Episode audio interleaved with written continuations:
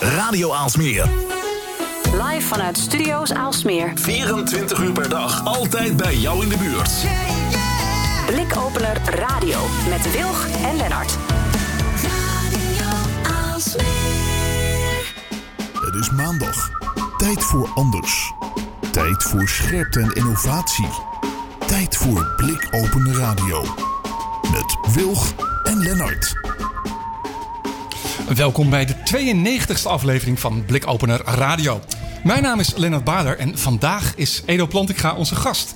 En dat is niet voor de eerste keer, want afgelopen oktober spraken we hem al uh, over zijn rol als community manager bij de Corona Melder app. Hij heeft sindsdien uh, niet stilgezeten en hij is nu betrokken bij Common Ground. En dat is een platform voor de herziening van gemeentelijke informatievoorziening. De website van de fictieve gemeente Demodam is het toneel van een eerste hackathon die vandaag van start is gegaan. We zijn erg benieuwd en we kijken uit naar uh, het gesprek met Edo. Ja, wat een timing hè? Nou, twintig uh, afleveringen geleden zeg. Ja, ik. Ik, ik. zie me nou voor dat hij dan hele nachten niet slaapt en zo. En, en, en straks dan... we gaan het zo horen. ja, precies. Goed, mijn naam is Esther Gons, het Wilg op Twitter. En vanavond hebben we verder in onze uitzending columnist Dimitri Vleugel, Dim. En hij praat onder andere over de recente ransomware uh, aanvallen. Ja, gij gijzeling van data. Ja, en dan wereldwijd. Die bedragen die daar ook mee gemoeid zijn. Heel bijzonder. Ja. Natuurlijk ook nog uh, de blikopeners van afgelopen week. Ja, wat mij op is gevallen. Nou ja, genoeg redenen om te blijven luisteren. Iets met Lego-blokjes. Iets met Lego-blokjes. Nou, het is niet alleen mij opgevallen, jongens. Nee, zeker niet. maar goed, genoeg redenen om te blijven luisteren. Als je nog niet uh, bent geabonneerd op de podcast, zoek dan gewoon uh, op Blikopener Radio in iTunes of Spotify. Of ga naar de website blikopener.radio. En als je suggesties hebt voor gasten, laat het ons gewoon weten. Doe een mailtje naar post.blikopener.radio. Of bereik ons via een van de socials op Blikopener Radio. Precies. Maar goed, nu in onze 92e aflevering dus Edo Plantinga. Uh, en, en een hackathon, maar niet zomaar een hackathon. Nee. Want, want ja, wel, wat voor hackathon? Wat is daar heel speciaal aan? Waarom hebben we jou in de uitzending, Edo? Ja, hoi. Nou, hartstikke leuk om hier weer terug, uh, terug te zijn. Dat is inderdaad uh, alweer even, weer even geleden. Dus uh, hartstikke leuk dat we weer, weer zo in gesprek gaan met, met heel wat anders inderdaad. Maar ook niet natuurlijk. Er zijn altijd wel weer parallellen te trekken. dus ja, waarom dit de, meest bijzondere hackathon ter wereld is, was dat een beetje de vraag? Ja, dat is een beetje de van, vraag. Van de vraag ja, of, ja. ja, ja, ja. Nee, het, is, uh, het heet Demodam trouwens. Het is, uh, het is namelijk een fictieve Nederlandse gemeente, de gemeente Demodam. die we met z'n allen aan het bouwen zijn. En het bijzondere daarin is, we maken dus een website waar je gewoon kunt, kunt zien hoe digitale dienstverlening van die gemeente Demodam precies werkt. En het bijzondere daaraan is dat al die componenten, die bouwstenen die erachter zitten, uh, dat is allemaal op uh, open source software uh, gebaseerd. dus voor een deel wordt dat, een deel van die code wordt gewoon geïmporteerd uit het buitenland, hè, vanuit de internationale open source community. maar voor een heel groot gedeelte wordt het ook gemaakt door ja, gewoon allerlei ontwikkelaars in, in Nederland. dus deels zijn dat mensen die echt direct als ambtenaar werken in, in dienst van, van de overheid. En voor een deel is dat de leveranciers eigenlijk die werken voor overheden, dus, dus met name gemeenten in dit geval uiteraard. Uh, want dat is wel het startpunt uh, waar we nu uh, zijn, zijn begonnen. Maar nou, je ziet nu al eigenlijk, dit is de eerste hackathon op dit gebied. En je ziet nu al dat er ook vanuit andere hoeken in de overheid al interesse is. En dat mensen bij het kadaster en de Belastingdienst ook al zijn aan, aangehaakt. Dus ja, leuke dingen. Wat gaaf. Je hebt wel echt duidelijk iets met, met ICT en overheid. verbeteren van... van ja, die communicatie met name ook, hè, voor informatievoorziening. Um, we, spraken natuurlijk twintig afleveringen geleden over de coronamelder-app en je, en je rol daarin. Uh, als we daar nog heel kort op terugkijken, hoe, hoe, kijk je daar zelf op terug? Ja, het was echt, uh, nou ja, was natuurlijk echt fantastisch om daarbij betrokken te zijn. ik vond het geweldig in elk geval ja, natuurlijk een hele, hele bijzondere app. Hè. Dat was echt uh, all over the place in het, uh, in het nieuws. Uh, dus echt letterlijk de vele duizenden artikelen over, over geschreven. best controversieel ook natuurlijk. Hè. Dus de privacyrisico's waren daarbij lager, lager op de loer. Ik denk dat het team daar heel goed mee omgegaan is, gelukkig. Maar dat was natuurlijk wel een zorg die mensen hadden. Hè, van hey, gaat de overheid me dan trekken? Nee, dat is inderdaad niet hoe we dat hebben gedaan. Maar je ziet in andere landen dat ze dat wel zo hebben opgezet. Dus ja, dat is natuurlijk super interessant. En dan vervolgens de hele politiek die er ook nog overheen buitelt. dat, ja, en terwijl je dan ook nog dingen op GitHub aan het publiceren bent. Terwijl eigenlijk normaal gesproken de Kamer eerder geïnformeerd had moeten worden. Dus dat is natuurlijk ja, heerlijk fascinerend om te zien hoe, zo'n, zo, hoe die werelden dan bij elkaar komen. En dat er dan en uh, ja, op een gegeven moment, uh, ik weet ook niet of ik dat mag zeggen, ah, waarom niet?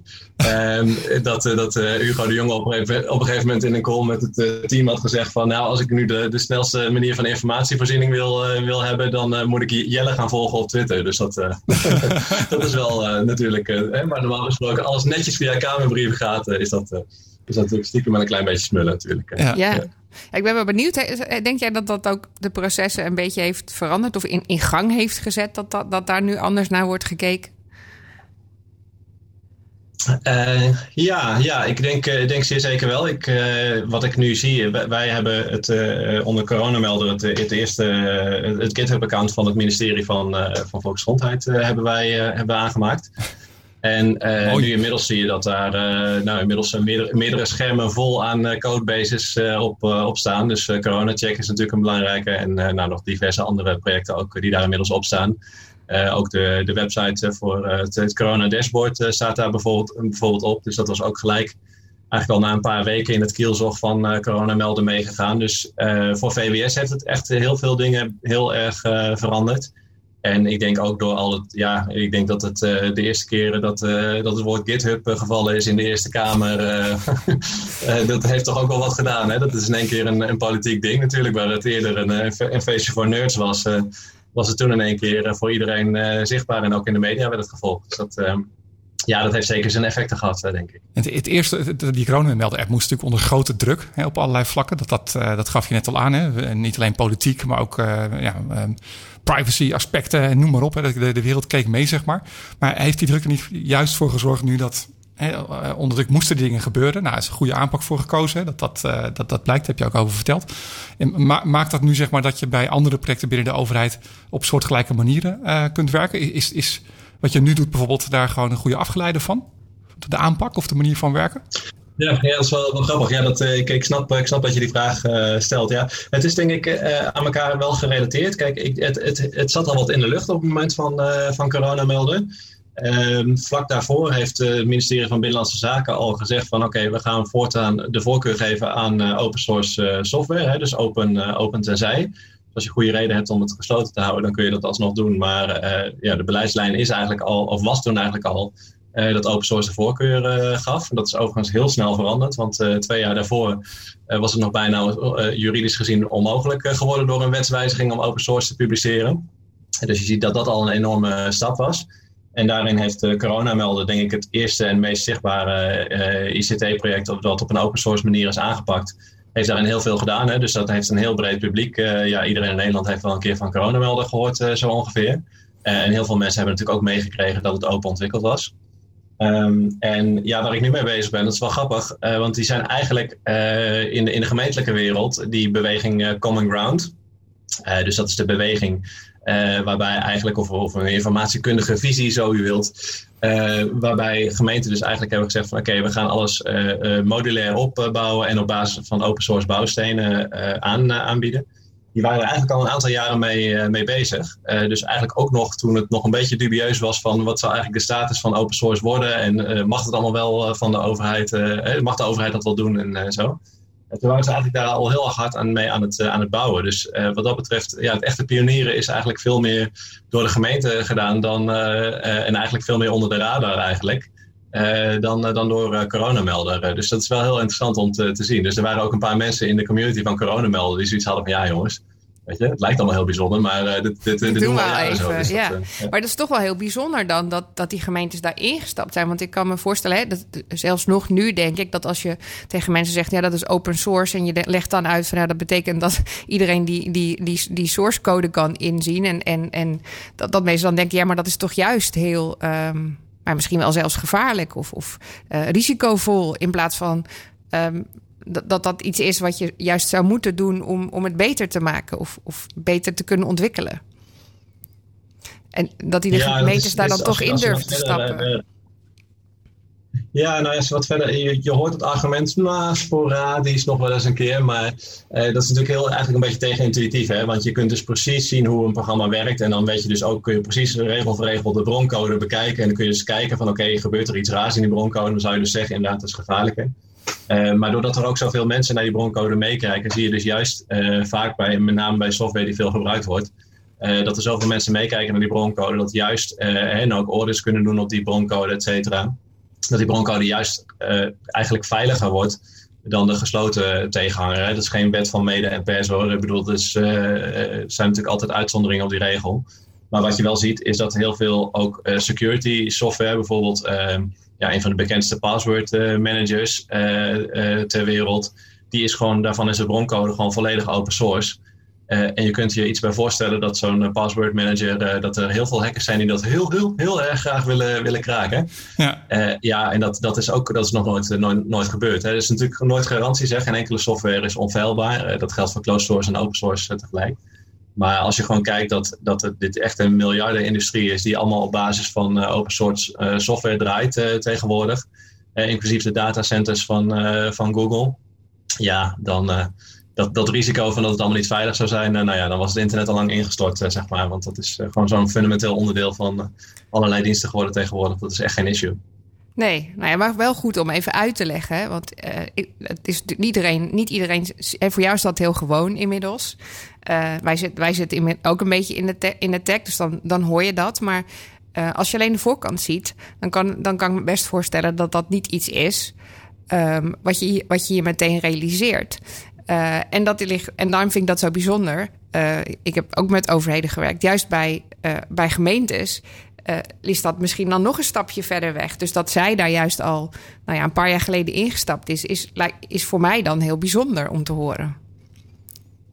Ja, nee, maar absoluut. Ja, ik, ik moet zeggen, ik vind het zelf ook heel, heel bijzonder. Kijk, wat ik vertel allemaal, hè, ik, ik kom net, net kijken in die gemeentewereld wat, wat dat betreft, of tenminste weer. Ik ben, heb wel eens eerder wat rond, rondgelopen, dus dit, is, dit zijn allemaal niet, niet mijn ideeën, uiteraard, maar dat, dat, dat mogen, mogen duidelijk zijn.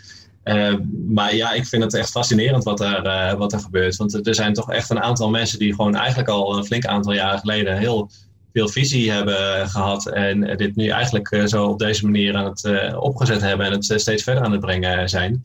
Ja, ik vind dat inderdaad best wel heel bijzonder. En ik denk ook wel dat wat ik nu binnen de Nederlandse overheid zie gebeuren. Um, ja, ik zit redelijk, uh, redelijk goed in de digitale overheid, ook internationaal. Weet, krijg ik wel het een en ander mee van wat er allemaal gebeurt. Uh, maar zijn volgens mij best wel echt heel bijzonder bezig binnen de Nederlandse overheid. Dus dat is echt wel. ja, en wat je nu dus eigenlijk ook ziet, is dat er een, ja, binnen gemeenteland dus echt een transformatie gaande is van uh, eigenlijk een licentiemodel en alle afhankelijkheid van een leverancier. Hè? Want die kunnen gewoon de licentiekosten gewoon een keer, keer twee doen. En dan heb je dat maar te slikken. Want ja, als het je core systemen zijn, dan uh, ja, wat is, uh, wat is je alternatief eigenlijk? Hè? Dat is er gewoon niet. Um, ja, om, omdat dat, dat dat nu dus eigenlijk op een heel ander model overgaat. En dat je dus ook op een heel andere manier moet gaan, gaan samenwerken. En ook met de markt moet gaan samenwerken. Want er is steeds, nog steeds veel ruimte voor, voor marktpartijen ook hierin ja, ik denk dat het wel best heel bijzonder is. En als je kijkt van wat wij nu aan het bouwen zijn, dat er gewoon heel veel digitale diensten nu beschikbaar zijn voor Nederlandse gemeenten om zo van de plank te trekken en her te gebruiken. Of tenminste, zijn we nu dus nu hard aan het, uh, voor aan het bouwen.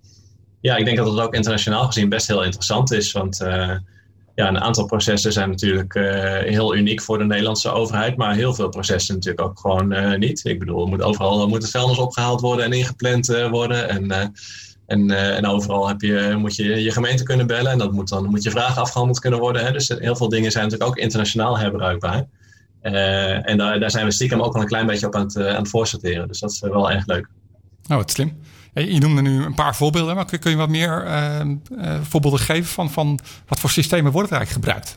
Waar werken jullie aan? Wat voor dingen zijn dat?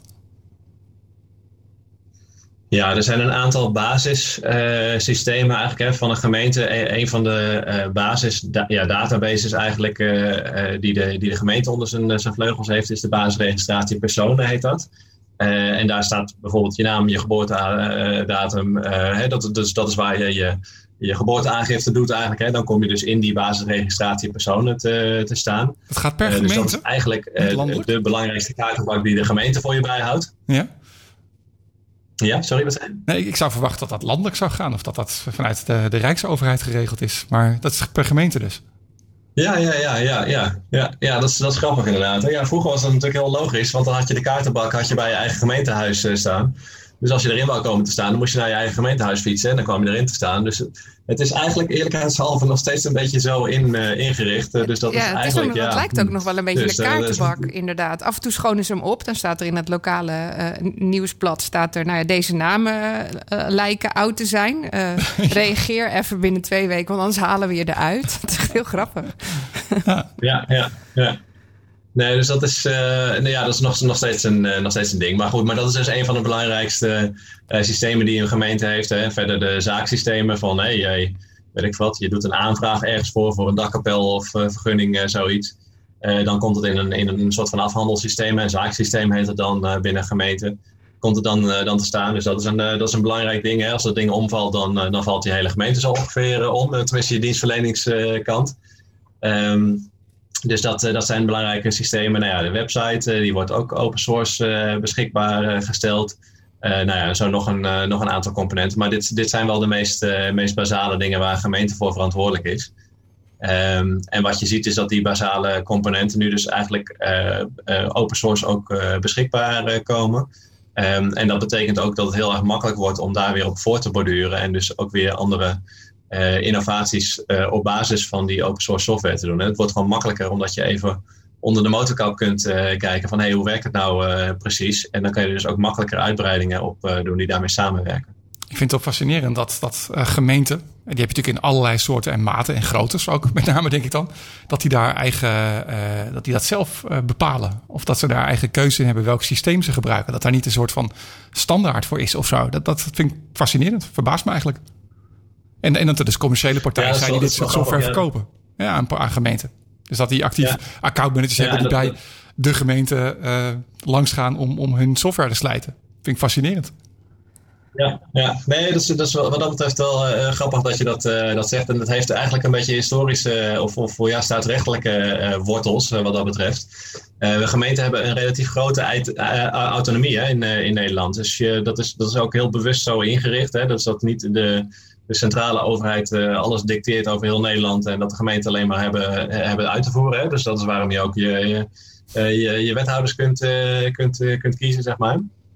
en, dat, en dat is daar eigenlijk een beetje een consequentie van, waarbij je kunt afvragen natuurlijk van hey, gaan die gemeenten nou het verschil maken op basis van hun, hun zaaksysteem? Hè? Van als je een, een losliggende stoeptegel moet, moet melden ja, dat, dat is natuurlijk eigenlijk niet zo heel erg boeiend. Want dat wil je gewoon dat dat geoptimaliseerd en geregeld wordt. En dat is niet echt een politieke kwestie over het algemeen. Er zijn natuurlijk wel degelijk ICT-systemen die wel wat politieker zijn. Hè, maar uh, heel veel dingen zijn natuurlijk een soort van... Uh, ja, een beetje bedrijfsvoering eigenlijk. Hè? Dus, dat, uh, dus dat, nou, ik denk als je morgen nog eens een keer zou moeten beginnen van... Goh, hoe zouden we dat doen? Dan zou je denk ik wel dezelfde juridische en staatsrechtelijke structuren houden. Maar qua ICT-architectuur zou je het misschien net even wat anders aanpakken. Denk, vermoed ik zo maar. ja.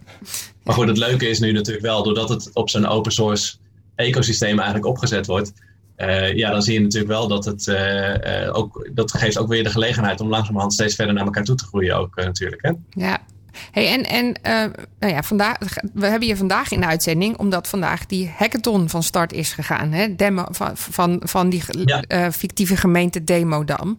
en wat is de bedoeling van ja. die hackathon? Wat, wat, wat wil je? Wat, wat willen jullie bereiken? Ja. Ja, nou eigenlijk, eigenlijk verschillende, verschillende dingen. Want wat ik, dit, wat ik nu nou net allemaal vertel is natuurlijk allemaal een beetje een abstract verhaal. Hè, met componenten en open source, samenwerken, modulair opgebouwd, bladibladibla. Hè. Ik bedoel, ik denk dat ik jullie, de, ik hoop niet dat ik jullie de helft van jullie luisteraars gekost heb door dit soort, door dit soort vragen. Uh, maar ja, heel veel mensen willen natuurlijk toch een klein beetje zien van ja, wat, wat, ja, welke knoppen kan ik op drukken? Even heel, heel plat gezegd. Hè. Hoe ziet zo'n dienstverlening er nou uit? En uh, als ik bij een gemeente werk en ik wil overwegen om mijn dienstverlening te verbeteren en over, op andere software over, te stappen, ja, dan wil ik wel even kunnen zien van wat, wat krijgt een burger nou voor zijn neus, op welke knoppen kan hij drukken en hoe, hoe werkt dat samen met die andere systemen die ik al in de lucht heb en werkt dat überhaupt wel samen.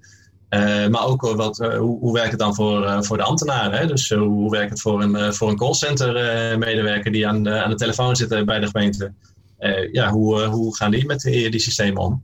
Dus het is in eerste instantie uh, eigenlijk bedoeld als een soort van uh, ja, showcase. Hè? Dus laat maar zien van hoe, uh, hoe werkt het nou precies.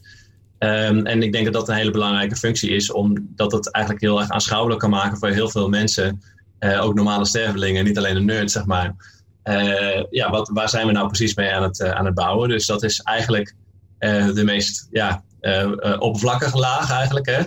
Ehm, ja, maar wat ik zelf, zelf eigenlijk nog wel interessanter vind, is dat het ook een platform is van beter samenwerken tussen de verschillende marktpartijen. Want je kunt je voorstellen dat als je dingen in kleinere componenten opknipt en de ene leverancier maakt, maakt dit proces en de andere leverancier maakt dat proces, dat je wel moet, goed moet zorgen dat die leveranciers samen kunnen werken, maar ook dat die software die ze maken, dat het allemaal vloeiend met elkaar samenwerkt.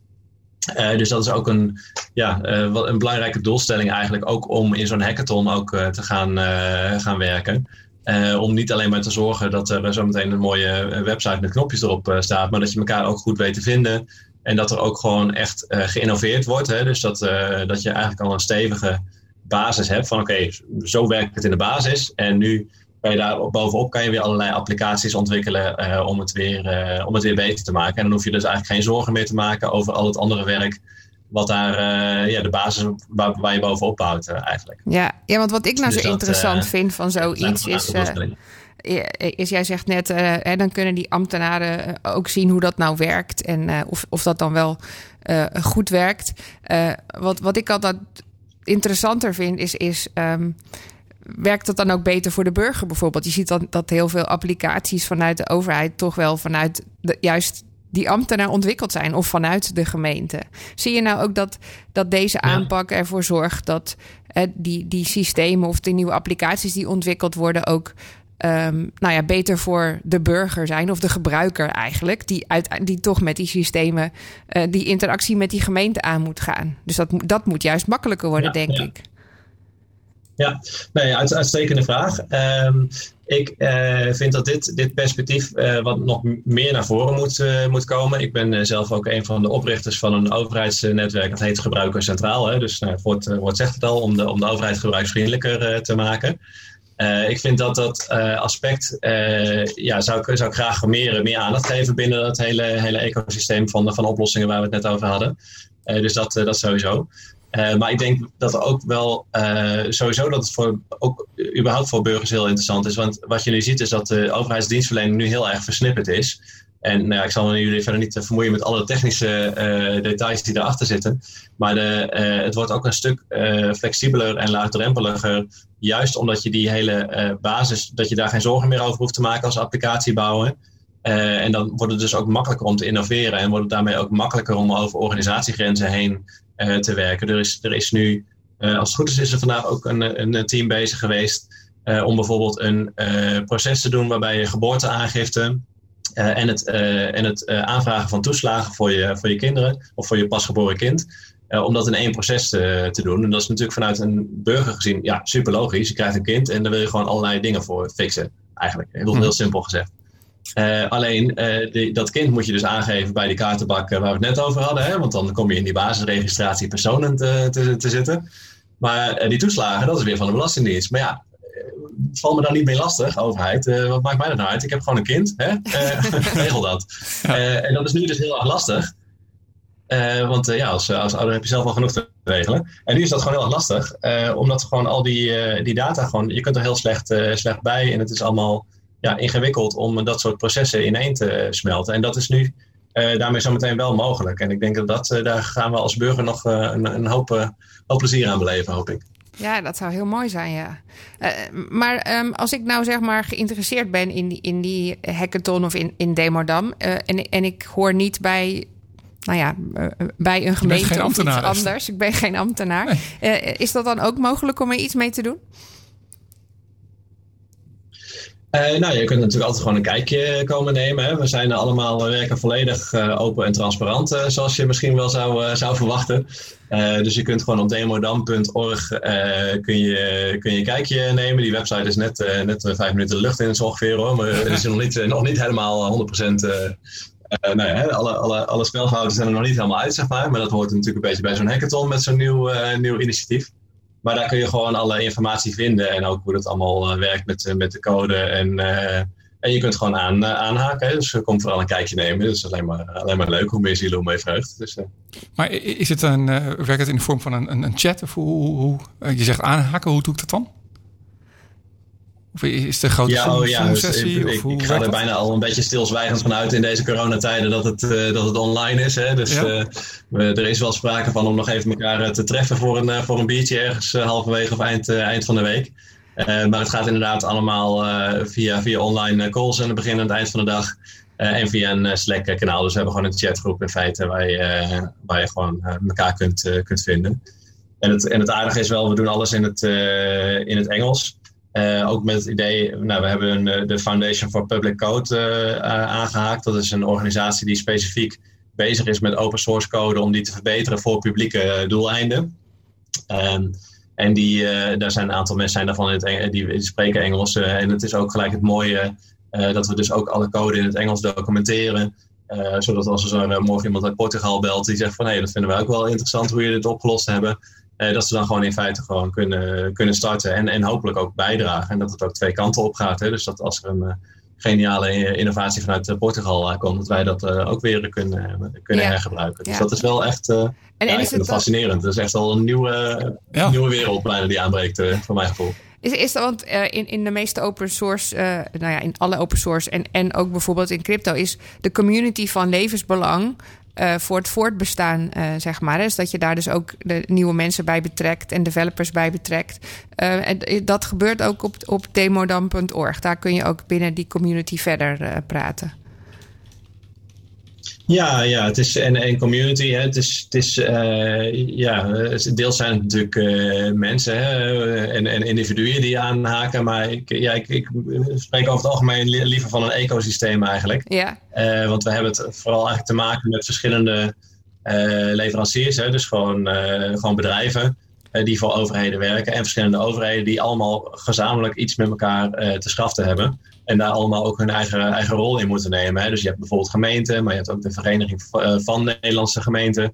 Uh, ik zelf, werk uh, in opdracht van, uh, van DIMPAC. Dat is een coöperatie van 40 gemeenten die de handen in één hebben geslagen op ICT-gebied.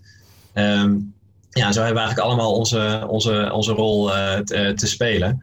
Ja, en deels is dat natuurlijk op persoonlijk niveau. Dus we, we, gaan, we gaan woensdag wel echt met mensen uh, biertjes drinken en niet met organisaties. Dus, uh, dus dat, uh, ja, dat, dat, dat loopt een beetje in keer over natuurlijk. Ja. Goed, maar het is ook wel dus zoals je zegt, hè, gemeente, 40 gemeenten die in een soort coöperatie samenwerken. Dus de software die nu gebruikt wordt, zeg maar, voor Demodam, hè, waar jullie mee in de slag zijn, die is eigenlijk al wel een soort van bewezen in de praktijk. Er zijn nog gemeenten die dit gebruiken. Het is niet helemaal nieuw, zeg maar.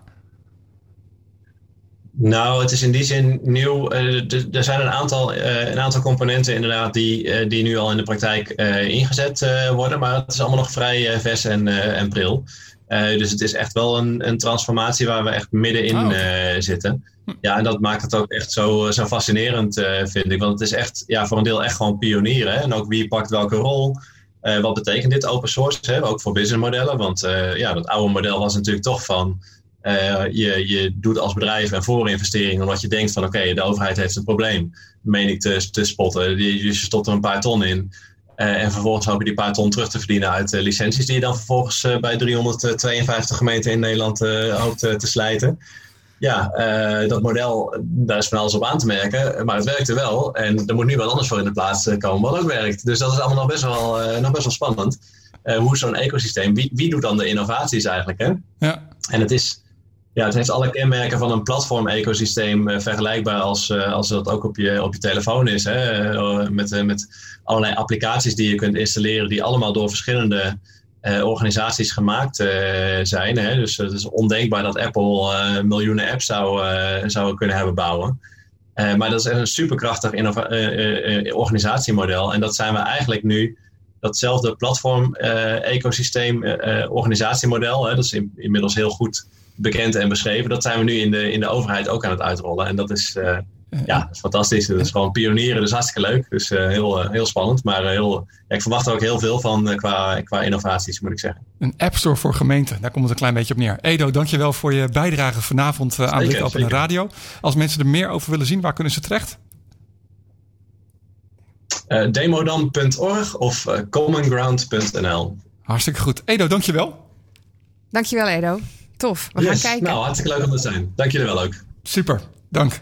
Ehm, en, en wij gaan door met de blikopeners van de afgelopen week. Ja, nou, ah, nu we het toch over die ecosystemen hebben die eh, niet door één partij eh, gemaakt kunnen worden, eh, kwam, ik, kwam ik een app tegen die ook past in een heel mooi ecosysteem, eh, maar dan ook niet door de partij gemaakt is waarvan je het eigenlijk verwacht. Eh, op Twitter ehm, waren een aantal mensen een paar dagen geleden echt razend enthousiast over, over een app.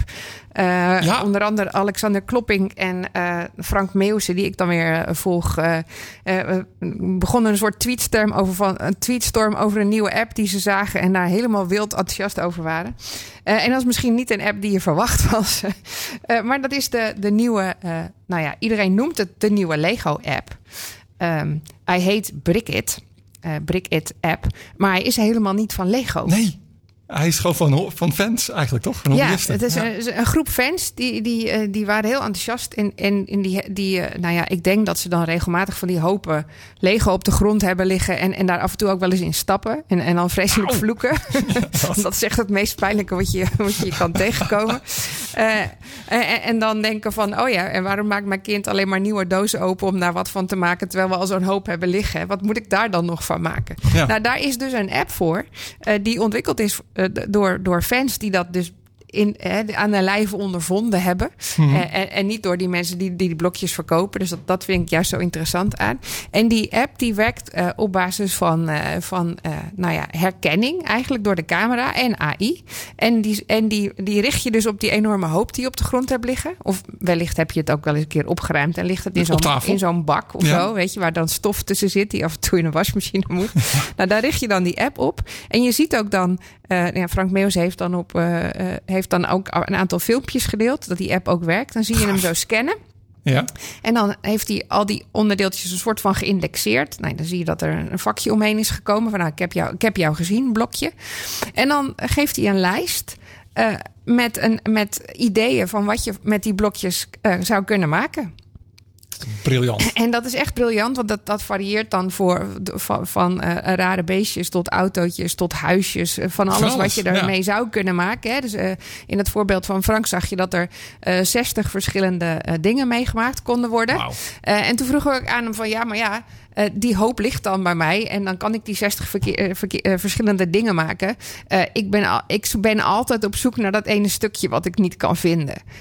Dus ik zie het nog niet. Nou, zei Frank toen, let op, ook dat kan die. Dus, het, dus als je dan daarna zegt, nou, ik ga dan dit maken. Dus ik zoek dan nu dit stukje. Ja. Ik- hè, dus die, net dat, dat stukje met die twee nopjes, met het gladde voorkantje. Hè, weet je, dat je altijd kwijt bent. dat, ja. Dat dan in dat andere stukje, nou, dat ziet Ja. hij hem natuurlijk niet. Maar goed, dat vindt hij dus ook in die hoop. Of Maar in ieder geval echt- een indicatie. Dan kun je de camera richten op je hoop Lego. Ja.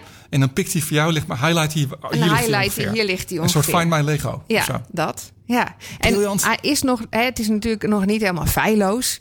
Eh, want het is ook machine learning. Dus dat, dat, dat, die, dat recognition systeem. Net als dat we allemaal onze gezichten nu in, eh, in internet moeten stoppen. Omdat al die facial recognition systemen daarvan willen leren en beter van willen worden. Nou, het geldt, hetzelfde geldt natuurlijk ook voor dit systeem. Het moet steeds beter worden dat jij het gaat gebruiken. Dus het is nog niet helemaal feilloos. Maar het werkt dus wel al echt fantastisch. Het briljant. Het is echt, Echt zo briljant. grappig? En dat heeft dus ja, op, me- een soort tweetstorm veroorzaakt op, op, het, op Twitter. Al die mensen die opeens zoiets hadden van... wauw, ik dacht ik download het ook even... want het is vast niet zo goed als dat het eruit zag... maar het is fantastisch. Ik ga volgens mij echt helemaal de blitz maken bij mijn neefjes hiermee. ja, Ik heb ja. nog niet, niet tegen mijn broer en tegen mijn zus gezegd. Ik ga gewoon zelf even scoren. Nou was het eerst alleen, eh, sorry Dim, eh, eh, op iOS... maar ik heb begrepen dat het... Eind van het jaar op Android ook, toch? Of Ja, en- dat, inmiddels al. Dat, ze- dat ze inmiddels ook met Android bezig zijn, inderdaad. Ik weet niet precies wanneer dat... Mind blown. uitkomt. Nou ja, dat, dat, dat soort dingen vind ik dus echt super gaaf om, eh, om te horen. Ja. Nou ja, Helemaal omdat het niet van eh, Lego zelf is, zeg maar. Ja, dat vind ik dus wel grappig. Want er staat dus overal in al die artikelen die nu geschreven zijn van de Lego-app. Dus eh, mensen noemen dat op Twitter ook bijna de Lego-app. Eh, maar het is zo fantastisch omdat het juist niet door Lego gemaakt is. En daardoor misschien ook wel ja. heel gebruiksvriendelijk is. Ja, en ook een klein beetje. Ik bedoel, eh, als je je business is, zeg maar, dat je nieuwe eh, modellen verkoopt. Ehm, terwijl je eigenlijk ook met je bestaande enorme berg Lego, zeg maar, alle andere dingen kan bouwen. Dan Heel snap ik wel. bouwen, ja. Dan snap ik ook wel dat je als Lego zelf misschien het niet zo had gedaan. Nee, maar het is wel heel. Ik vind het echt heel tof eh, om, om dit eh, voorbij zien te komen. Gave nieuwe app. Ja, heel gaaf. Eh nou ja, een van de andere dingen is eh, dat het eh, mooi weer was en ik weer in mijn tuin za- zat. En dan af en toe toch weer die vliegtuigen hoor overkomen. Oh, echt? In Aalsmeer vliegtuig? In Aalsmeer vliegtuigen.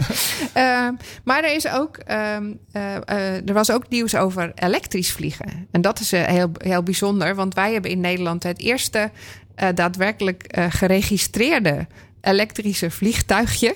Dus dat heeft echt zo'n PH-nummer. In Ja. Nederland eh, beginnen alle vliegtuigen met PH. Maar, eh, Ik heb geen idee waar het voor stond, maar het heeft eh, iets. Ja, het was iets met. eh, het, het, was vanuit, het is vanuit Frans eh, iets Ja. opgezet. Dus het is PI Holland of zo. Nou ja, zoiets is het. Ik heb geen idee waar het vandaan komt. We, hadden, we hadden twee dingen. En uiteindelijk is de PH overgebleven.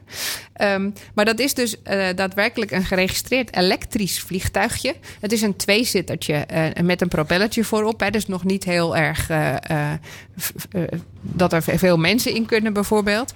Ehm, maar goed, het is het wel het begin. En eh, er zijn dus ehm, vier, inmiddels vier eh, kleinere vliegvelden in Nederland. eh, met elkaar eh, aan het kijken hoe ze elektrisch vliegen groter kunnen maken. En zij zeggen, ja, dat is in de vliegindustrie heel lastig, want iedereen kijkt meteen naar die hele grote eh, apparaten. En, en dat, dat lukt nou ja, voorlopig nog niet, want dan moet je, moet je toch echt wel een, een bepaalde eh, ehm, energiebron aan boord hebben. Dus, dus dat, duurt nog veel te lang. Maar we kunnen er ook anders naar kijken. Dus zij zijn met vier kleinere vliegvelden, dus bijvoorbeeld Groningen, eh, in Limburg vliegveld, eh, Eindhoven Airport, aan het kijken hoe zij met kleinere vliegtuigjes, en dat begint met eh, twee en dat. En dat gaat straks naar bijvoorbeeld negen vliegtuigjes. Toch elektrisch kunnen vliegen. Ja. Eh, en zij gaan dan kijken hoe dat kan gaan concurreren met trein en de auto voor afstanden tot 500 kilometer.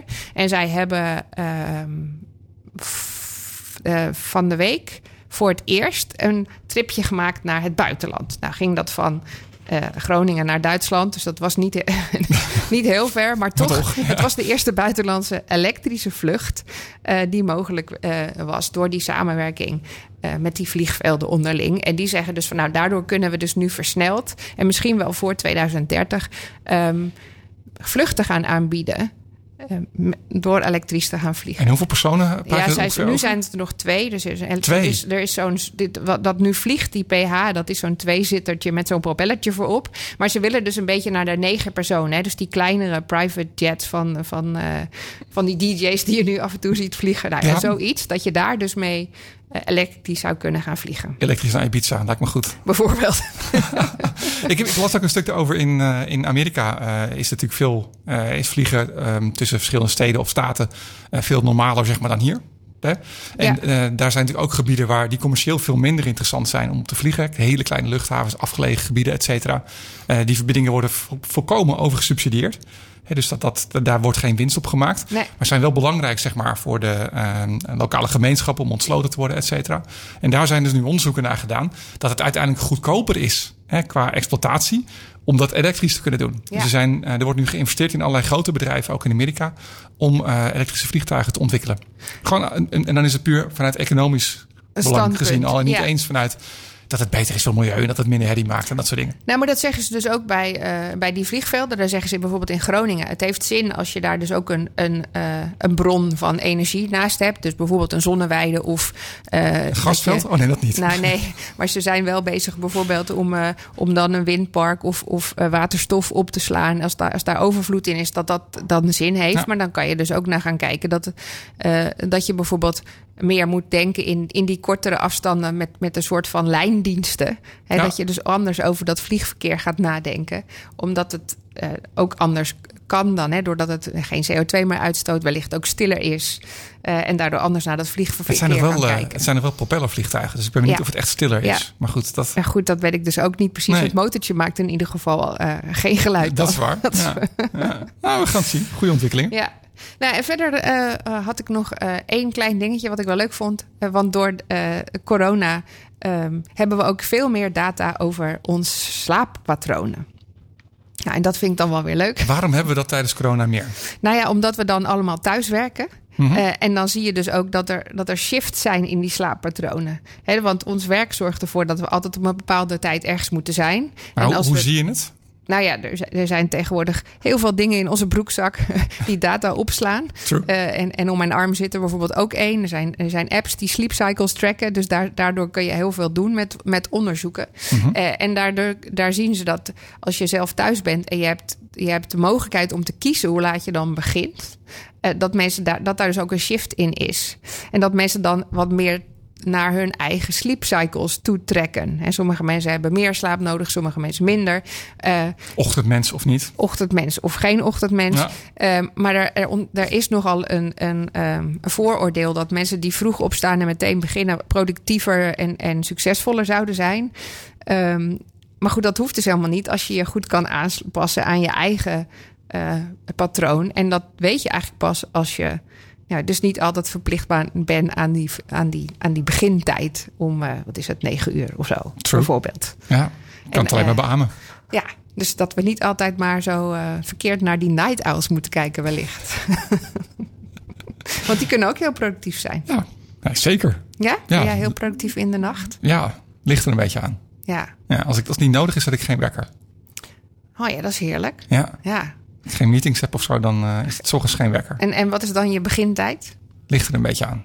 Soms een periode dat ik echt, echt wel vroeg op ben, dat het gewoon half acht is of zo. Ja. Dat, vind ik, dat, dat vind ik dan vroeg. Dat is wel vroeg, ja. Ja, of gewoon tien uur. Vandaag was het tien uur. Maar goed, zo zien we dus dat, dat de begintijd vaker een uur later is dan als je op je werk zou moeten zijn. Dus Ja. dat, dat is een uur verschoven in, de in de pandemie. En dat er dus ook eh, soms wel tot acht uur verschil is eh, tussen mensen hun, hun eigen ritme. Eh, maar dus dat mensen ook gemiddeld eh, verschillende uren slaap nodig hebben. Gemiddeld is dat negen uur, terwijl we altijd denken zeven uur of zo. Maar Ja. gemiddeld heb je negen uur slaap nodig. Maar er zijn er mensen die nou eenmaal mensen hoor. eh, eenmaal erfelijk min- meer of minder slaap nodig hebben. En daar kan je weinig aan doen. Ja. Nou, ik heb veel slaap nodig. Dim, Heb jij veel slaap nodig? Dimitri Vleugel, hoe is dit met jouw slaap? Eh, Negen Eh, uur? ik, heb uur? ik, ik heb recent ontdekt dat ik veel slaap nodig heb. Toen ik Ja. ze in de spiegel keek en denk van jongens, jongens, jongens. nou ja, we, de, hier eh, in huis eh, Dim eh, hebben we ook wel besloten daar toch iets beter op te gaan letten. Want ik zat op gemiddeld 6,5, 7 uur. En dat is toch echt wel te weinig. Dus dat, dat hebben we nou minimaal met een uurtje weten te verhogen. Ja, En ehm, dus het is een slaap. Nou ja, dat kun je ook wel teruglezen. Slaap is gewoon een van de meest belangrijke gezondheids. ehm, bevorderende maatregelen die je kunt nemen. En, en bij- mij is het vaak zo, ik werk vaak lang door en, ehm, en mijn partner is vaak ook wat later thuis vanwege werk en dan eet je laat en dan ben je half negen, negen klaar met eten. Ja, dan ga je niet al een uurtje later naar bed. Even een serietje kijken. Ja, voor je het weet is het gewoon half één, hè? Want ja, Netflix eh, gaat ook maar gewoon door. Dus, eh, maar daar letten we nu echt wel op. Maar ja, met, je, met dat voetballen is dat ook weer moeilijk. Want voetbal wil je ook zien. En kwart voor elf is de wedstrijd pas afgelopen. En als je pech hebt, is er nog een verlenging. Dus het lukt niet helemaal. Maar ik, ik, ik herken het, het, flexibele werktijden wel. Ik werk al, al, al eigenlijk sinds 2012. eh, met uitzondering van twee jaar werk ik thuis. En, ehm, en ik merk wel dat ik tussendoor vaak eh, periodes gewoon even niks doe. Ik, bij ons in huis is het eh, een begrip 25. hè? Dan nemen we even 25 minuten rust. Gaan we Mooi. ook echt op de bank liggen, en ogen dicht. En dan zetten we het wekkertje. En eh, daarna kan, je, kan ik er gewoon weer een paar uur tegenaan. Heel dus, goed, dus doe ik ook. ik haal het wat meer bij elkaar. Maar dat is ook wel logisch. Want in een kantoor zit je ook wel eens even aan de koffiemachine. Of loop je een rondje. Dus dat, eh, ja, dat vind ik wel, eh, dat vind ik wel, eh, wel logisch. Dus het dutje is er bij ons eh, wel in. eh heb ik van mijn Chinese werkgever geleerd. Ge- Gewoon een powernap. Ja, goed idee. Goeie tip. Doe ik, ik doe het zelf. Ja, powernap, ja. Ja. Ja, heerlijk. Mooi. Ja. Tim, we kennen jou van Ja, eh, Android Voel je dat ook? Sorry, gaat. Nee, ja, ik was ja, aan het introduceren. ja, Ja, nog ja. één vraag. Ja. Oh, ja, en nee, of, of, of jij je ook zo schuldig voelt als je een, dutje doet tussendoor. Maar Eh, niet, ik, ik heb geleerd om het niet meer te voelen. Want eh, inderdaad, dat heb je in het begin wel. Nee, precies. Hè, dat je denkt van, oh, ik moet de hele dag eh tering Ja. productief zijn. Maar dat is niet waar. ja, En eh, als je Nee. even slaapt of even eh, Inderdaad. bijkomt, dan ben je daarna weer veel frisser. En eh, nou, dan doe je eigenlijk meer dan dat je anders had gedaan. Dus eh, nee, ik voel me niet meer schuldig daarover. ja. Oké, nou mag de- je nou je introductie doen. De perks van, eh, van thuiswerken. Eh, aan de lijn, inmiddels al een tijdje, Dimitri Vleugel van Androidwereld.nl, een van onze columnisten. Eh, Dim, waar gaan we het verder over hebben vandaag? Uh, nou, ja, jij had mij uh, uh, een beetje subliminaal een opdracht opgedrongen als vrijwilliger. En dat was, dat was de ransomware attack. Nee, maar dat is een hele goeie, want ik kies dan alleen maar dingen die ik hyper interessant vind. En dat is dit helemaal niet, want tijdens het researchen, nou ja, research van het onderwerp, dacht ik bij mezelf van, eigenlijk is het een schande dat ik hier zo weinig van weet. Eigenlijk niks.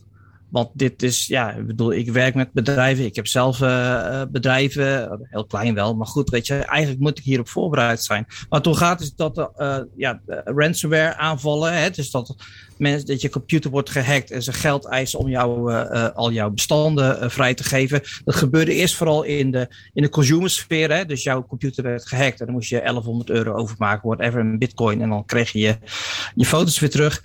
Dat gebeurt nu op grotere schaal en er is nu een hele grote aanval nog gaande op een, op een ja, groot aantal bedrijven die software gebruikten van Kaseya. Dat is een, een, een bedrijf wat een monitoring software levert voor IT-systemen. Eigenlijk heel simpel gezegd TeamViewer. Hè, dat is je computer, daar kan iemand van buitenaf meekijken, maar dan iets ingewikkeler. Dat is gehackt. Daardoor zijn er Oei. hackers eh, op allerlei systemen binnen kunnen komen. En die hebben bijvoorbeeld bij de Zweedse supermarktketen, de Co-op, eh, de kassa's gehackt van 800 winkels, waardoor die winkels dicht moesten. En um, dus ik, ik heb dat een beetje zo door zitten lezen. 200.000 bedrijven getroffen. Zij zeggen een miljoen. 200.000 is geconstateerd. 2000 servers in 17 landen. Ik bedoel, internet maakt uh, de wereld natuurlijk grenzeloos, maar ook uh, voor criminelen. En uh, ja, ze eisen 70 miljoen dollar. Er is nu contact en waarschijnlijk zit er een Russische, zeer professionele hackerbende, Raffle heet die, achter. maar goed, dat weet ja, nu ze het opgeëist hebben, is dus dat, tijdens is het research is dat toch iets zekerder dan geworden, of is niet? het helemaal zeker? Ja, nou ja, dat weet ik niet. Ja, ze hebben het opgeëist. ja, nee, ik- ze hebben gezegd, ik wil, wij willen zoveel Ja, eh, in crypto Ja. hebben. Maar ja, wie zegt dat het ja, klopt? dat is waar. Dat weet je natuurlijk nooit. Ja, weet je. Even een foto met een recente, Eh, van een recente voorpagina van een krant of zo. nou ja, goed, het is natuurlijk het is wel heel erg waarschijnlijk omdat diezelfde club eh, een paar maanden geleden eh, ook een hele grote ransom hack heeft gedaan. Die oliepijplijn. Bij een, na, bij een Braziliaanse partij. Ook via zo'n logistics chain. Hè, dus dat ze via een bepaalde software alle andere software infiltreren. Waardoor ze zo groot binnen kunnen komen. Die hebben dat bedrag aan, aan die partij betaald. En toen zijn ze weer vrij gekomen, zeg maar, met hun. Dus, dus hè, de kans Ja. dat het dit ook dezelfde partij is, is daardoor wel wat groter, denk ik. Ja, nou ja, het is, het is, het is, het is heftig, want er zijn eh, bijvoorbeeld die supermarkten, die hebben dus zeg maar al het versgedeelte van hun winkels gewoon uitgedeeld op straat, omdat het anders weggegooid moest worden. En eh, die, ja, die, die, die zitten, zijn dus dicht en die kunnen dus niks. Dus ze moeten ook nog heel veel geld betalen en ze kunnen gewoon niks. Dus ja, het, je zegt, de politie zegt natuurlijk, ja, je moet ze niet betalen, want je faciliteert de hackers alleen maar om nog een aanval te doen. Maar ja, aan de andere kant, als je niet betaalt, ga je ook kapot. Dus dat is, ja, dat is eh, best wel een ding. In Nederland wordt er vanuit overheidswegen best wel veel aandacht aan besteed. Je hebt het ncsc.nl, dat is het Nederlands Centrum voor. Eh, nee, ik ben de afkorting vergeten. Nationaal Centrum voor Coördinatie. maar heel veel. eh, Cybercrime, ik, terrorisme. Cyber, cybercrime, iets. Nou, in ieder geval, eh, digitale overheid is het, maakt het onderdeel van. En er staan heel veel checklisten en dergelijke en testjes die je kan doen om te kijken of jouw systemen nou ja, op heel hoog level al een beetje beveiligd zijn tegen, tegen ransomware aanvallen. Want deze aanval laat zien, dus jij betaalt heel veel geld voor een, eh, voor een bedrijf, Casea, die een zo goed mogelijk product neer wil zetten. En dan gaat het toch fout. Het saillant detail is dat ehm, Nederlandse eh, hackers, dus eh, zeg maar de goede hackers, ehm, eh, die hadden die, die security flow al ontdekt bij Kaseya. En die hadden dat gemeld. En samen met Kaseya, ik weet niet hoe het goed uitspreekt hoor, Kaseya, ehm, waren ze al de patch die dat oploste aan het testen. Alleen de hackers waren ze dus voor. Dus ehm, ja, dat is gewoon echt du- dubbel pech eh, eh, voor, voor iedereen. Nou, een tijdje geleden is natuurlijk ook de Universiteit van, eh, van Maastricht is, is eh, eh, eh, gehackt eh, geweest. En ehm, daar staat on- online ook een, een, zijn kamervragen over geweest. En het stond er in een verslag stond dat de Universiteit van Maastricht goed gehandeld heeft toen de aanval eenmaal begonnen was. Maar daarvoor waren ze een beetje ja, waren ze niet goed voorbereid. Er stond onder andere een zin in. Er was wel heel veel aandacht eh, voor cyber en dergelijke, maar meer voor de uitvoering van de AVG. Dus te zorgen dat, uh, Ja. dat, eh, dat, is, dat de privacy eh, allemaal eh, eh, volgens de regeltjes, want dat ziet de burger, hè, dat zit aan de voorkant, dat ziet de burger. Maar dit is natuurlijk vele malen ernstiger eh, dat misschien jouw leeftijd eh, in een verkeerd lijstje terechtkomt. Dus dat, ja, dat is wel, was voor mij ook wel een ding dat ik dacht van ja, weet je, het is onwijs saai en boring en eh yawn en gaap. Maar eh, ja, dit is wel echt ontzettend belangrijk. In iets waar eh, de wereld mee te maken krijgt. Ook op een groter scheme, zeg maar. Want ja, stel je voor dat Rusland of een andere natie die ons niet, opeens niet meer aardig vindt, het hele elektriciteitsnet kan platleggen. Of wat veel mensen zeggen, Huawei heeft zich ingekocht in de core van alle telecompartijen. Als die in één keer met een flip of een switch kunnen zij zeg maar het hele communicatienetwerk eh, eh, lam leggen. Ja, dan, dan wordt oorlog voeren wel heel moeilijk eh, als, dat, eh, als dat dieper gaat. En dat zijn echt wel dingen. ehm, dus dit, dit gaat van jouw thuiscomputer, waar je misschien foto's van je kleinkinderen op hebt, tot en met eh, eh, hele landen die eh, zeg maar onder druk staan van zulke zaken. En dat is toch echt wel een, een ding waar we nu op gaan reageren. En in een ideaal situatie hadden we hier al voorbereid moeten zijn. Maar, Want het is wel een beetje Lennart, nieuwe, jij, je hebt ook een bedrijf dat zegt. In de nieuwe criminaliteit Ja, ook. Hè? Want, want we, we, we hebben eigenlijk ons, Ja, onze hele wereld online gestopt. Dus het is eigenlijk logisch dat hier, eh, dat, dat hier de criminele wereld zich ook opstort. Dus dat, dat, dat zie je natuurlijk ook. Ehm, dat dit. Nee, dit zijn aanvallen van hele professionele, professionele organisaties. die naar, eh, die naar een manier zoeken om, om eh, zoveel mogelijk eh, geld of bedrijven in één keer eh, lam te leggen eigenlijk. En die aanvallen worden steeds groter. En dit, dit soort aanvallen, ja, dat, dat, dat is dat je in, door maar één eh, partij te kunnen hacken... zoveel, ontzettend veel dingen lam legt. Dat, dat is, Dat is bizar. Ja. En dat gaat, ja, dat gaat op steeds professionelere schaal gaat dat gebeuren. Want ja, hoe meer zij betaald worden, hoe professioneler ze kunnen gaan opschalen. Ook echt- nog. Gewoon maffia dit. Ja, toch? dit is gewoon, dit is gewoon de, de nieuwe maffia. Ja. Ja. En die worden, eh, en, en zoals jij zegt, Tim, ja, als die dan gefinancierd gaan worden door, door, weet ik niet, overheden die daar ook eh, heil in zien, dan ben je nog een stap verder natuurlijk. Ja, er is geen goed antwoord, Ja. hè? Van moet je nou betalen of niet? Want ik bedoel, ja, je moet door met je handel. Eh, of, of je moet door met je land. Of je moet door met eh, je olie eh, Nou ja, of antwoord, whatever. een, maar een, een, een antwoord zoals ook in het, in het, in, in het onderzoek bij de Universiteit Maastricht, Maastricht was ook van, ja, waarom is er bij zo'n grote organisatie niet een taskforce die zulke soort zaken monitort? Want het probleem, probleem daar was heel simpel. Er waren een aantal stukjes software die hadden niet de laatste update gekregen. En voor een hacker is het, wat ik met platen vertellen, vrij eenvoudig om te gaan zoeken naar te weten van ook bij dat soort software is laatst een kritische lek gedicht.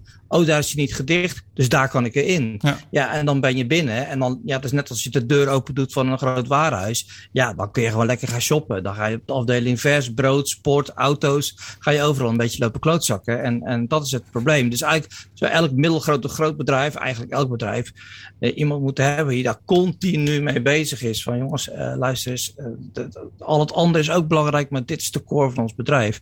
En daar, daar moeten we gewoon zorgen dat dat, eh, ja, dat het gewoon waterdicht is. Ook omdat onze klanten daarmee te maken hebben. En het is wel het, het, ook het connected zijn. Hè? Dus als je van jezelf uitgaat hoeveel spullen jij privé al connect. Waardoor mensen van de ene naar de andere eh, eh, software kunnen gehoppen. Ja, dan, dan weet je hoe dat als het bedrijf is het ook gewoon zo. Dus het is heel simpel om. ik heb een tijdje geleden dat boek gelezen van eh, Het is oorlog, maar niemand die het ziet. Oh ja. Ehm, ik weet niet meer. Weet jij de schrijver eh, nog? Ja, ik ben schrijver even Ja. vergeten. Ja.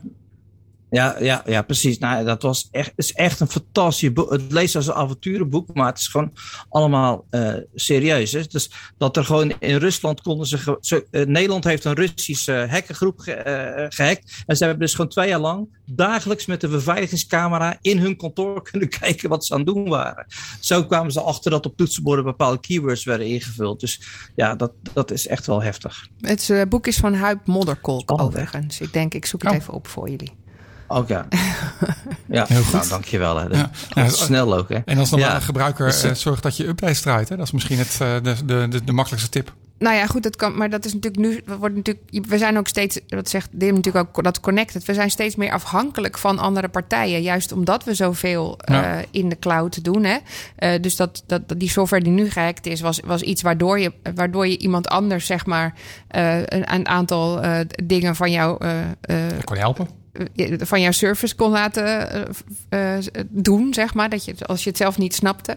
Ehm, dus dat, ja, je gaat ook, je, maar je huurt ook steeds meer van dat soort Ah. services in. Je bent afhankelijk van, van een aantal eh, services die je zelf niet meer maakt, omdat niet, dat niet je core is.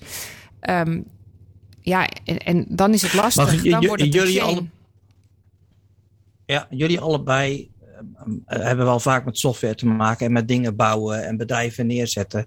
Is, is staat er bij jullie ook, zeg maar, eh, bij, als eerste op een lijst? Of ga je bouwen, bouwen, bouwen en denk je daarna van, is het veilig? Nou ja, dat is dus. Hè, dus eh, Want bij mij is het, zeg heel eerlijk, bij mij is het dat dus. Hè? Ik ga bouwen, bouwen, bedenken, denken, denk, oh ja, wacht even. Ja, dat is, dat is een beetje. Het, het was altijd van. nou, Daar begin je dus niet mee. Hè, want je moet eerst maar eens bewijzen dat dit überhaupt software is die mensen gaan gebruiken. Dus waarom zou je dat dan helemaal dicht timmeren? Dat heeft niet zoveel zin. Maar het wordt natuurlijk wel steeds belangrijker om dat in elke stap eh, die afweging te maken. Hè. Hoeveel, mensen, hoeveel mensen heb je nu die het gebruiken? Ehm, eh, hoe veilig moet het zijn? Ehm, wij, wij hebben eigenlijk voor onze software nu al vrij snel eh pentest laten doen. En dat is het minste wat je kan doen om te kijken eh, waar zitten dan eh, dingen die echt niet kloppen. Even wat een pentest. Ja, dan gaat er dus een andere partij kijken van nou ja, wat, is, wat is bij jou nog kwetsbaar en, en wat zouden andere mensen zouden kunnen misbruiken om jouw systeem plat te leggen. Ja. En nou ja, dat is dan denk ik het minste wat je kan doen. En altijd goed kijken waar je afhankelijk van bent. Dus welke partijen gebruik je? Eh, en in hoeverre ehm, kunnen die heel erg bij jouw systeem? Maar ja, of je dat als eerste moet doen. Ik denk dat je eerst moet kijken of mensen überhaupt je product gaan gebruiken. Nou ja, het- Oké, maar goed, als ik bij jou een product afneem, dan wil ik ook wel weten. Dan wil je eh, inderdaad Je bent wel, iets aan het maken van, Ja. heb, heb je erover nagedacht? Dus, het, dus dan is je antwoord natuurlijk ja, maar je hebt er alleen nog niet actief ingebouwd. Wat, wat, wat wel prima is. Alleen ja, als je op de- tegenwoordig op de markt, als ik nu nog een keer ergens voor mezelf, voor een groot bedrijf, echt een groot softwarepakket eh, ga aanschaffen, dan is dit een van mijn allereerste vragen. Allereerste vraag, ja. Hoe, Van, hoe, hoe jongens, is dit? Ja, Maar goed, dan is ook weer de vraag: Ja, hoe- kan, je dat dan, eh, kan je kan dat dan alleen? Hè? Eh, want dat, daar hebben we natuurlijk net met Edo ook de discussie over gehad: eh, closed software of open software. Of is het veiliger om daar dus ook andere mensen naar te laten kijken? ik denk het laatste. Vreemde ogen dwingen. En, en moet je dat Denk dan ik. wellicht ook open source aan gaan bieden? nou ja, je eigen software. Nou, Ja, nou. nou ja, maar dat is dus wel interessant. Hey, Ja. ik- ja, ik, eh, ik weet dat ik bijna aan het einde van mijn tijd ben, maar mag ik nog één tip voor een podcast geven? Zeker. Mag Laatste dat? minuut. Ja Dat hoor. mag hè? Ja. Oké. Land, Land of the Giants. Dat is een, volgens mij een podcast van NPR. Ik weet het niet zeker. Maar het is een podcastserie over alle eh, techgiganten in eh, de wereld. En die hebben momenteel een serie over eh, Delivery Wars, heet die. Over al de delivery apps. Hè? Dus in Nederland is dat thuisbezorgd. En in Amerika heb je Growhub en dergelijke. En dat is echt fascinerend hoe die wereld eh, in elkaar zit. Het is echt een, eh, een, een tip voor mensen die daar enigszins in geïnteresseerd zijn eh, om te luisteren. Land of the Giants. Land of the Zo kun je hem Giants. vinden in je, in je, in je podcast app. Ja, Wat klinkt heel stoer, maar het is erg informatief. Mooi. Ja. Hey Dim, dankjewel voor je bijdrage. Als mensen jou willen volgen, Dim op, op Twitter. Tot de volgende keer. Zeker. En daarmee komt er een eind aan deze aflevering van eh Blikopener Radio. Eh, over twee weken zijn we er weer. Gave nieuwe uitzending met een leuke nieuwe gast. Uiteraard. Fijne weken.